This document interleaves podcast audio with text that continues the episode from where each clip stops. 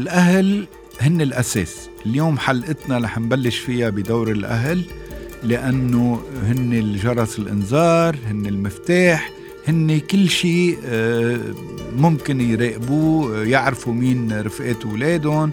مثلا في أم بتقلي أنا بنتي بعد 12 ممنوع تجي على البيت. بخوة بقتلها يمكن إذا بتجي بعد 12 بس يا مدام بتعرفي وين كانت بنتك قبل 12 عند مين كانت؟ مين عم بتزور؟ مين رفقاتها؟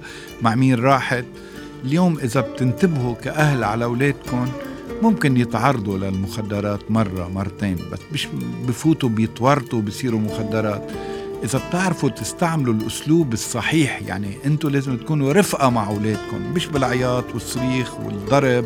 إذا ضربت بنتي شفتها سكرانة هذا منه علاج. اليوم لازم نعم يكون في حوار. اليوم لازم نعرف إنه نكون رفقات أولادنا. يمكن منربي بعمر سنتين وثلاثة وأربعة بس من عمر تسع سنين وطلوع ما عاد فينا نستعمل الاسلوب ذاته. لازم نتحول لرفقة لأولادنا نصرحهم نحاورهم نعرف مين رفقاتهم نعرف كل أخبارهم يرتاحوا لنا نكون سند لإلهم.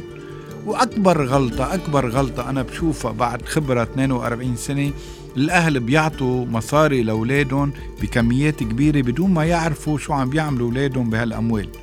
مسؤول كبير بيقول لي أنا بعطيه 4000 دولار بالشهر جيب له سيارة كل سنة بجدد له إياها أخذ له شاليه آه، بيطلع له أربع سفرات ولو هيك بيعمل فيي جرسني قلت له بس خليني أحكي شوي مع ابنك عمول معروف انطور برا بالإذن منك.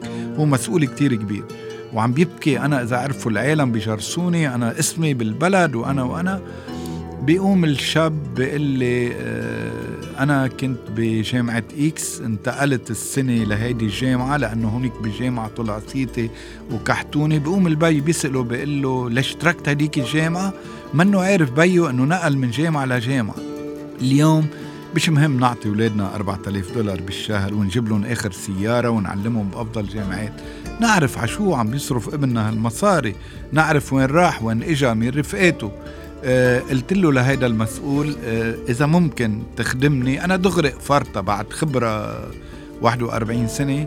تاخد ابنك اليوم تروح تسهر انت وياه وحدكم بمحل أه تحكي انت وياه هيدا اللي بينقصكم يعني مش قصة مصاري ولا قصة قال لي أنا مسؤول مهم بدك ياني روح أسهر باسهر بنايت كلاب ومرقص ليله والعالم يشوفوني. أنا لا أنا معي مرافقين. قلت له هيدي نقطة الضعف بينك وبين ابنك. ما في تواصل مع ابنك ما في أه ودى ابنه على لندن حط عليه 800 ألف دولار بالصيفية امبارح بدق لي بقول لي مسيو حواط أنا فليت من عندك ما اقتنعت باللي قلت لي إياه وديت ابني تعالج ببريطانيا حطيت عليه 800 ألف دولار بعدني بذات المشكلة اجى على لبنان ابني لأنه ما عاد يستقبلوه ولا مركز قد ما عذبهم وقد ما هيدا.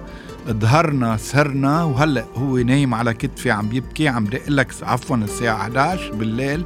بس لك هيدا الشعور اللي أنا عشته مش عيشه ولا مرة بحياتي مع ابني. فإذا مش كل شيء مصاري مش كل شيء هو آه، عملنا اللي بدهم إياه لأولادنا لا.